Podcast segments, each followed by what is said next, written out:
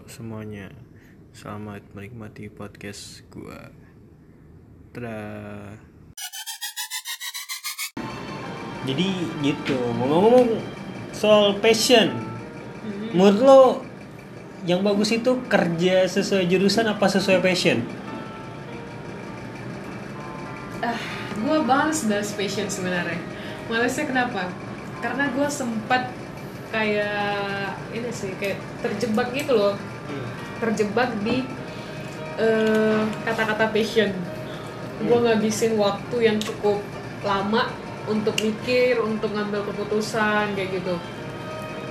Gue nyari-nyari passion gue tuh apa ya? Passion gue apa gitu. Karena gue juga nggak kuliah di jurusan yang memang gue suka gitu kan jadi gue kayak bimbang gitu loh bimbang emang emang gue pengennya di sini apa Karena enggak ya gitu gini, karena kira lu- menurut gua karena kira lu bingung sih. Iya, Lu- bingung. Lu lu kuliah di bukan jurusan lu, Hmm. akhirnya lu nggak menikmati Iya. apa yang lu kerjakan, banyak momen kelewat, Mm-mm. tiba-tiba tingkat akhir siap lulus bingung gue selama Gua- kuliah gua ngapain ya, aja gitu ya ya. terus gue mau ngapain ya abis ini gue passion gue sebenarnya apa sih gitu kan dan gue cari-cari cari-cari gitu kan dan gue kayak kemakan ini loh kemakan pendapat-pendapat banyak orang kayak gitu. Lu harus kerja sesuai passion lu. Lu harus kerja sesuai dengan apa yang lu suka kayak gitu. Terus gue cari dong gue sukanya apa sebenarnya nih? Gue passionnya di mana kayak gitu kan. Gue cari-cari gue cari-cari habis dong waktu gue gitu kan untuk menemukan apa yang benar-benar passion gue gitu kan. Ya so, so idealis lah ya kalau menurut gue so idealis. Padahal sebenarnya nggak gitu tuh konsepnya gitu. Karena nemu passion itu nggak secepat sehari dua hari enggak gitu. Bahkan ada yang bilang bahwa yang mencari passion itu pencarian seumur hidup kayak gitu. Dan passion itu kan dinamis loh gitu. Nggak nggak hanya stuck pada satu hal nggak stuck pada satu bidang kayak gitu loh. Walaupun mungkin ada yang kayak gitu misalnya kayak eh, fotografer dia misalnya passionnya di situ langsung nemu. Ya mungkin ada yang kayak gitu. Tapi kan nggak semua kayak gitu. Ada juga yang dinamis kayak gitu kan nah gue akhirnya menemukan itu gitu loh. Dari salah satu orang dan gue tuh ngefans banget loh jadinya sama dia. Dan gue baru nemu dia itu setelah eh gue ngabisin waktu cukup lama gitu. Tapi ya nggak apa-apa lah ya perjalanan gitu kan. Ya, nggak- daripada nggak nemu sama sekali gitu ya. Jadi gue nemu dia nih dari Instagram. Gue nggak kenal secara real orangnya. Cuman dia buka usaha gitu di Medan dan gue tahu gitu usahanya. Jadi gue follow dong Instagram dia kan. Gue follow dan dia baik juga gitu welcome gitu kan sama orangnya walaupun kita hanya kenal di Instagram kayak gitu. Eh, terus dia sering buat konten-konten gitu tentang eh, apa namanya menemukan passion terus tentang wirausaha kayak kayak gitulah konten dia si dia ini gitu. Dan bayangin eh, dia tuh sering banget bilang gini eh, bullshit sama passion kata dia kayak gitu Eh, lu nggak boleh hanya fokus ke passion passion dan passion. Lu harus coba banyak hal kata dia gitu. Lu coba banyak hal lu harus eh, belajar banyak hal dari orang kayak gitu. Apalagi misalnya kalau emang lu eh, minatnya di bagian usaha kayak gitu nih jadi entrepreneur kayak gitu. Ya lu harus coba jadi bawahan kayak gitu kata dia. Bahkan sampai dia ini eh, bilang kalau dia pernah kerja di Burger King. Bayangin kata dia gitu dan dia lulusan dari S2 dari New Zealand kayak gitu. Bayangin lu bayangin gak sih kata dia? Emang lu kira gue passion? Balik-balikin burger manggangin burger gitu daging kayak gitu. Emang lu kira gue passion? Kata dia gitu. Ya enggak dong kata dia kayak gitu. Kan gue ketawa tapi, tapi bener gitu loh apa yang dia bilang. Tapi gue belajar kata dia kayak gitu. Gue belajar uh, satu hal gitu di situ. Gimana cara gue uh, nanggepin customer gimana cara gue melayani customer di akhir pekan yang padat banget. Gimana gue ngelihat manajer gue nge-treat gue sebagai karyawannya kata dia kayak gitu. Dan gue belajar banyak banget di situ kata dia. Walaupun gue hanya sebagai ya crew kitchen kayak gitu kata dia kayak gitu dia crew kitchen di Burger New Zealand bayangin. Dan gue mikirnya oh ternyata gitu ya caranya gitu. Kita nggak boleh hanya berpatok pada gue harus nyari apa yang sesuai passion gitu. Kalau nggak sesuai passion gue nggak mau kerja di situ. Nggak boleh gitu ternyata. Ya lu harus coba gitu. Semua kesempatan yang ada semua hal yang ada di depan mata ya coba aja ambil aja gitu kesempatan yang ada. Nanti lu bakal belajar sesuatu dari setiap kesempatan yang ada itu gitu jadi nggak boleh terlalu sok sok idealis lah kayak gitu menurut gue karena banyak sih orang-orang kayak gitu. Dan gue dulu kayak gitu gitu. Dan gue nyesel sih tapi ya udahlah ya itu proses perjalanan sih menurut gue menurut lo sendiri? Gue pernah dapat salah satu kata-kata dari temen gue sih. Hmm. dia bilang gini milenial tuh aneh Mo." nah, dia cerita gue kerja di tempat yang menurut gue milenial dreams banget lah. Nah, jam kerja bebas pakaian bebas gaji gede. Terus? Gila siapa yang nggak mau?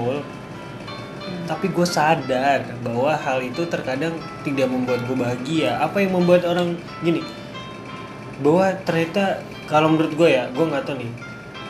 Ada pandangan berbagai orang macam-macam ya. Ini karena gue di tongkrongan gitu sering sharing lah temen gue bilang gini bahwa kebahagiaan itu nggak terukur dengan sesuatu yang bisa lo ukur gitu uang banyak jam jam fleksibel.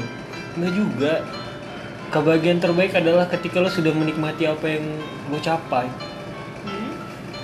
maksudnya gini gaji kecil ketika lo nikmati dengan cara lo sendiri itu kebahagiaan menurut gua kata dia gitu.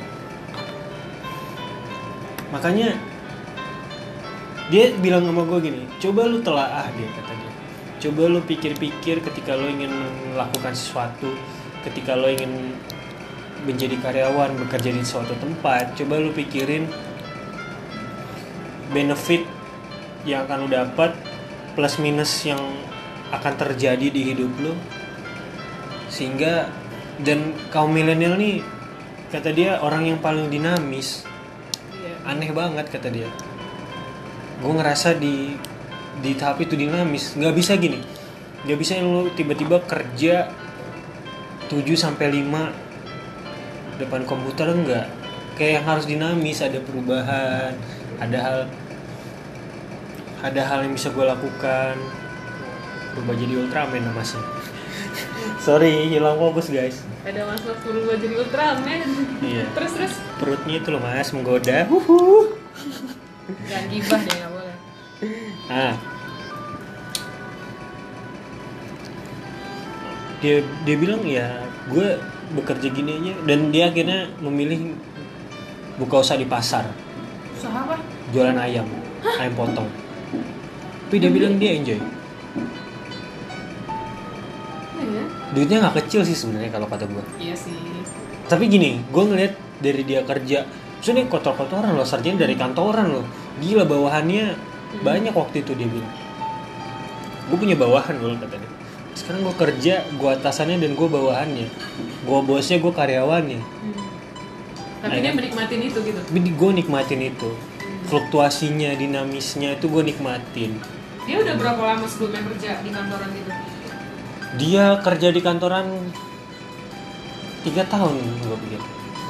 Pindah beberapa perusahaan tiga tahun, terakhir paling lama dua tahun di perusahaan multinasional.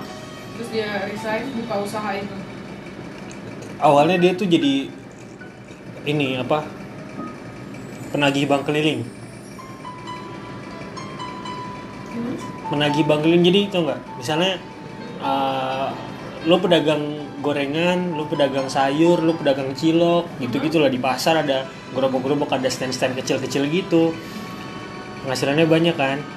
Nah, jadi gue gue buka sebuah akun bank atau gue bekerja sama salah satu bank lah. Jadi biar mereka biar nabung di gua duitnya. oh gitu Dan dia belajarnya dari sana. Belajar menikmati hal itu. Dia bilang, betapa nikmatnya tukang goreng. Gorengan gerobak sehari 5 juta ul. oh masa sih Ih, gak usah deh. Nih kalau lu jalan ke depan rumah lu nih, gak usah deh. Lu ada tukang nasi goreng depan rumah lu, Iya. lu tanya berapa omsetnya semalam. nggak nyampe lah 5 juta Iya, gak usah lah katakan 5 juta. Katakan sejuta setengah. sehari Iya, nggak nyampe lah gue pernah nanya loh sama nasi goreng yang sering gue beli berapa? itu waktu bulan puasa ya kemarin itu gue cerita Ah. cerita sehari itu nggak nggak lebih dari 30 bungkus loh 30 bungkus kali 15 ribu? 15 kali 3 nggak nyampe. Itu omset belum lagi modal dia udah berapa? Tapi gue nggak tahu ya. Tapi gue kayak misalnya gue tuh nanya tukang gorengan gitu kan yang kecil-kecil gitu kayak di dekat rumah gue tuh tanya bang gorengan berapa sehari dapat? Kadang dua juta setengah kadang dua juta. Nggak mungkin lah sehari. Lu lu juga nggak percaya kan? Gue juga awalnya nggak percaya Ren. Oh iya? Deket kampus gue ada tukang gorengan terkenal tuh buat yang tahu lah mungkin teman gue pernah nanya juga bisa dia gede-gede loh teman gue tuh dari situ dari tukang apa tagihan bank keliling gitu dia nagih nanti dicatat nanti mereka juga punya catatannya berapa akunnya. Biasanya buat kalau nggak buat modal naik haji buat di rumah gitu gitulah biasanya.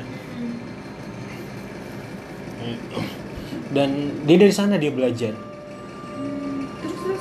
Intinya lu getol kata intinya gini lu ya lu fokus dan konsisten. Fluktuasinya lo akan rasain dan mungkin karena omsetnya kecil gara-gara mungkin ya kalau lu mungkin nemunya karena di normal sih. Tapi gini umumnya kalau di lapak-lapak pasar-pasar gitu lumayan gede loh. Makanya kenapa mereka lumayan lumayan berani naruh-naruh di situ gitu. Dia bilang kayak gitu akhirnya dia sekarang jadi tukang jualan ayam. Iya. Ya ayam potong. Kotor kerjanya. Berangkat pagi jam 3 cuman dia jam jam 1 jam 11 sudah pulang. Kan biasanya dia cuma berapa piece gitu. Terus dia sana dia belajar. Iya ya iya tapi gini lah katakanlah 450 ribu. Hmm. ya 30 bungkus 450 ribu. Modal nasi goreng berapa sih? Tahu gini lu beli beras sekarung.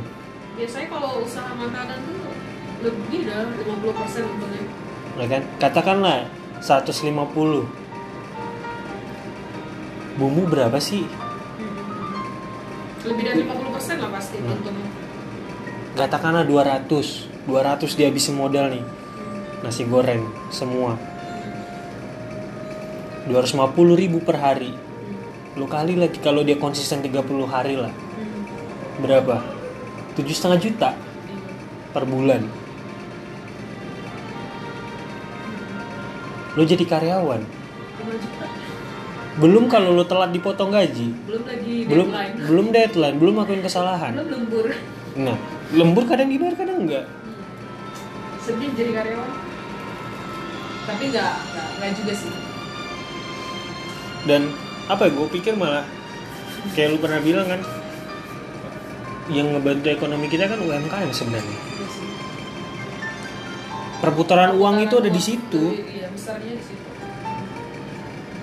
dan cepet perputaran uangnya walaupun kelihatannya kecil kan kelihatannya kecil tapi perputaran nah perputaran uangnya banyak apalagi ya kayak Jakarta gue bilang manusia pemalas bukan pemalas sih kayak mereka buat masak aja udah nggak punya waktu lah Iya. hingga pasti kayak jualan-jualan kayak gitu Iya sih. Jadi gimana? Lu mau jualan? iya kalau ada tante yang mau iya tante, tante, Tante. modalin aku dong. Iya, iya. ya balik lagi nih. Belum kejawab pertanyaannya. Hmm. Kerja by passion apa kerja sesuai jurusan? Kalau dibandingin ke jurusan, mungkin ya gue lebih prefer ke kerja by passion sih. Tapi bukan jadi orang yang sok idealis ya. Kayak yang tadi di awal gue bilang, Hmm. boleh lu ngejar passion, tapi lu nggak boleh jadi orang yang terlalu idealis gitu loh. Kalau ada kesempatan ya ambil aja dulu, belajar aja dulu gitu loh. Jangan langsung ah enggak ah gue gak mau nih kerja jadi admin passion gue kan nggak di situ Iya, Hey, ada temen gue kayak gitu tuh. coba dulu Di men. marketing kagak mau. Oh, aku tidak mau di marketing. padahal dia banyak loh lo jangan ngejek gue lah Eh, temen gue, temen gue banyak oh cuy. ya oke oke oke Enggak yang fine. lain. oke fine yang kayak gitu. Kalau ada kesempatan lo harus Tapi ambil gini, aja. ya gue gue setuju sih. Cuman Hmm. gue tuh sekarang gue tuh bukan sekarang sih gue tuh megang satu prinsip sih. Ini pesan kakek gue dalam ya? Dalam ini. Ada ada ceritanya lah. Oh gitu. Kenapa akhirnya dia pesanin kayak gitu? Pesannya menohok banget sih. Dan itu gue terima pesan itu waktu gue kelas 2 SMP hmm. kakek gue bilang gini "Eh, cintailah apa yang kamu kerjai walaupun kamu akan lebih senang mengerjakan apa yang Apa kamu cintai. benar. Benar tuh kata-katanya. Akhirnya di situ gue akhirnya gini belajar buat bisa kerja di di bagian apa pun. Gue pernah ngojek pernah.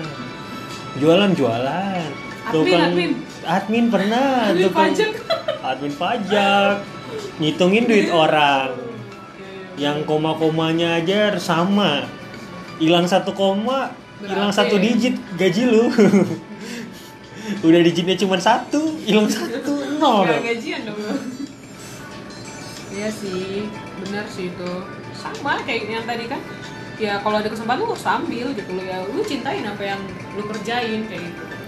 benar sih ya itu ya apa ya apa pun ending yang ingin lo kerjakan apa pun yang ingin lo lakukan yang intinya sebenarnya poinnya satu sih cintai apa yang lo kerjakan karena di balik cerita itu sebenarnya gini ada pengalaman eh, waktu itu tuh kayak gue salah satu di keluarga gue tuh ya alhamdulillah anaknya lumayan pintar lah. Hmm. lumayan lah ya. Terus gue ngerasa bahwa gue jumawa Hmm. jadi gue nanti juga besarnya bisa jadi sesuatu. Hmm. tapi gara-gara kejadiannya tuh gue disuruh mungutin sampah habis itu cuci mobil. Ngeluh dong gue karena gini se gue tuh selain jumawa gue dimanja sama nyokap dulu. Jadi nggak pernah megang-megang begituan. Sampai akhirnya nyokap gue meninggal gue tinggal sama nenek gue kejadian lah itu. Dari dari kata-kata itulah membuat gue terpukul. Dan gue mikir gue mikir aja. Habis dari situ gue mikir. Dan sampai sekarang itu jadi gue pegang sih. Kalau lo bilang gue sarjana gue tukang sapu iya. Kadang gue cuci piring iya tapi hidup gue kok nggak berubah-berubah ya? Enggak sih lebih karena gue mungkin kurang bersyukur sih. Gue pernah di tahap gaji gede banget tapi gue nggak enjoy. Sekarang gue gaji ya alhamdulillah lah gue nggak mau sebutin cuman ya alhamdulillah lah gitu kan. Yang penting itu sih karena kata-kata itu akhirnya gue belajar buat ya udah gue mencintai apa yang gue kerjain. Bisa jadi rezeki gue dari situ dan gue selalu percaya itu. Kadang gue tukang sapu eh apa jadi Nyapuin serpihan-serpihan Ih, kadang juga- perasaan gitu. Kan? kadang gue buka-buka gerbang jagain gerbang pintu gue Oh, iya iya iya iya. Terus terus sedih banget hidup gue gerbang pintu siapa lu jagain? gerbang pintu perasaan surga, dia yang pintu tidak surga. terbuka-buka Atau pintu ini kali, pintu IPB lu jagain. ya itu sih. Ya intinya kalau dari simpul disimpulkan dari omongan ini eh itu lo ada lagi yang ingin lo tambahin? Enggak sih, gue cuma pengen tadi aja kalau misalnya jadi orang tuh jangan terlalu idealis kayak gitu. Kita terus ya berani ambil apa kesempatan yang ada di depan ambil aja dulu gitu coba aja dulu kayak gitu. Pasti ada pembela- ada pembelajaran gitu yang lu dapat kalau Yes. memang lu masih dalam proses pencarian passion lu kecuali emang lu udah tahu nih gue passion gue ini nih dan gue harus kerja di perusahaan yang kayak gini nih. Nah Kecuali- lu dapet ya oke gitu kan. Kecuali kalau misalnya kayak gitu ya. Dan kalau misalnya belum yang kayak gitu lu masih nyari nih kayak masih ragu-ragu masih bimbang gitu ya udah ambil aja kesempatan yang ada. Kecuali lo memang anaknya orang kaya. Sekalipun dia anak orang kaya. Tapi gini maksud gue artinya gini kalau lo punya kan kalau menjadi orang kaya itu basic dari orang tua ya warisan dari Ah. orang tua gitu kan. Ketika lo ingin ngerjakan sesuatu sesuai passion lo atau lo bahkan masa bodoh terhadap hal yang tidak lo sukai gitu untuk tidak mengerjakan hal itu karena lo punya kesempatan lebih besar. Tapi tetap aja dia harus belajar dulu kan. Nah, ta- tapi sebenarnya gini, kalau gue lihat ya kebanyakan orang-orang kaya di yang gue kenal nih, banyak orang kaya yang gue kenal, sekarang udah mulai cerdas sih. Maksudnya berani ngambil chance, chance resiko-resiko yang luar biasa yang kadang nggak jarang bisa mengorbankan apa yang sudah mereka punya. Artinya gini, kenikmatan yang mereka punya mereka korbankan lah. Udah mulai berpikir ke sana sih. Karena kalau gue nggak tahu kalau zaman dulu tuh orang-orang kaya tuh rata-rata apa namanya ya udah berpikirnya bapak gue duitnya masih banyak. Tapi kalau anak-anak orang kaya sekarang udah nggak kayak gitu sih kayaknya. Udah mulai ya? Udah mulai. Kayak kurang ajar saingannya makin Makin banyak, banyak dia. Bagus sih kalau makin banyak yang gitu. Tapi masih banyak juga sih yang enggak. Ya, tapi rata-rata sekarang udah punya inilah. Karena udah dilatih sedari dini sama orang tuanya sih. Orang tuanya sudah mempersiapkan hal itu semua. Di samping di samping dengan bantuan-bantuan nama besar orang tuanya. Orang tuanya. Kayak ini yang punya apa? Jarum BCA anaknya. Si apa? Har- Ah, iya Hartono. Hartono anak anaknya dia. Gue kemarin dengar di salah satu podcast eh, yang gue bilang eh gue ngefans sama dia ini. Namanya Feli Feli Zulhendri. Cari aja. Eh, dia bahas bahwa eh, anaknya Hartono ini yang punya BCA dikuliahin kan di Harvard hmm. Nah, tapi dia nggak scholarship gitu loh, biaya pribadi sama orang tuanya gitu, orang tuanya yang biayain gitu. Ya you know lah berapa biaya di sana kan. Nah, pas dia kuliah di situ, eh, orang tuanya bilang langsung ke dia gitu. Ya walaupun kita tahu dia orang orang terkaya lah ya, salah satu terkaya gitu di Indo. Tapi orang tuanya itu cukup keras loh mendidik dia. Dan orang tuanya bilang, lu boleh kuliah di Harvard nih kata dia. Walaupun lu nggak dapat scholarship nggak apa-apa, gue biayain kata orang tuanya nih. Tapi ada syaratnya kayak gitu setiap minggu lu harus kasih report ke gua email ke gua kata orang tua gitu. Seminggu itu lu harus ngerjain satu project entah apa pun itu. Dan lu harus kirim laporannya ke gua kata dia. Dia kalau nggak salah sih bagian engineering IT gitu di eh, ini Harvard. Jadi dia minggu tuh ngirim ngirimin laporan gitu ke orang tuanya minggu ini gua eh, buat ini nih proyek ini gini gini gini gini nah kayak gitu. Sampai sekarang akhirnya ya BCA kan anaknya yang megang tuh sekarang lebih banyak. Apalagi yang virtual virtual itu. Anaknya tuh yang pegang yang dari Harvard. Dan iya sih emang lebih banyak orang-orang kaya sekarang tuh udah mulai aware kayak gitu ya. Nggak terlalu manja lagi kayak gitu. Iya nggak terlalu dimanja sih. Iya. bagus sih didikan kayak apalagi gitu. kalau orang-orang kaya lama ya. Kalau orang kaya baru biasa beda. Iya.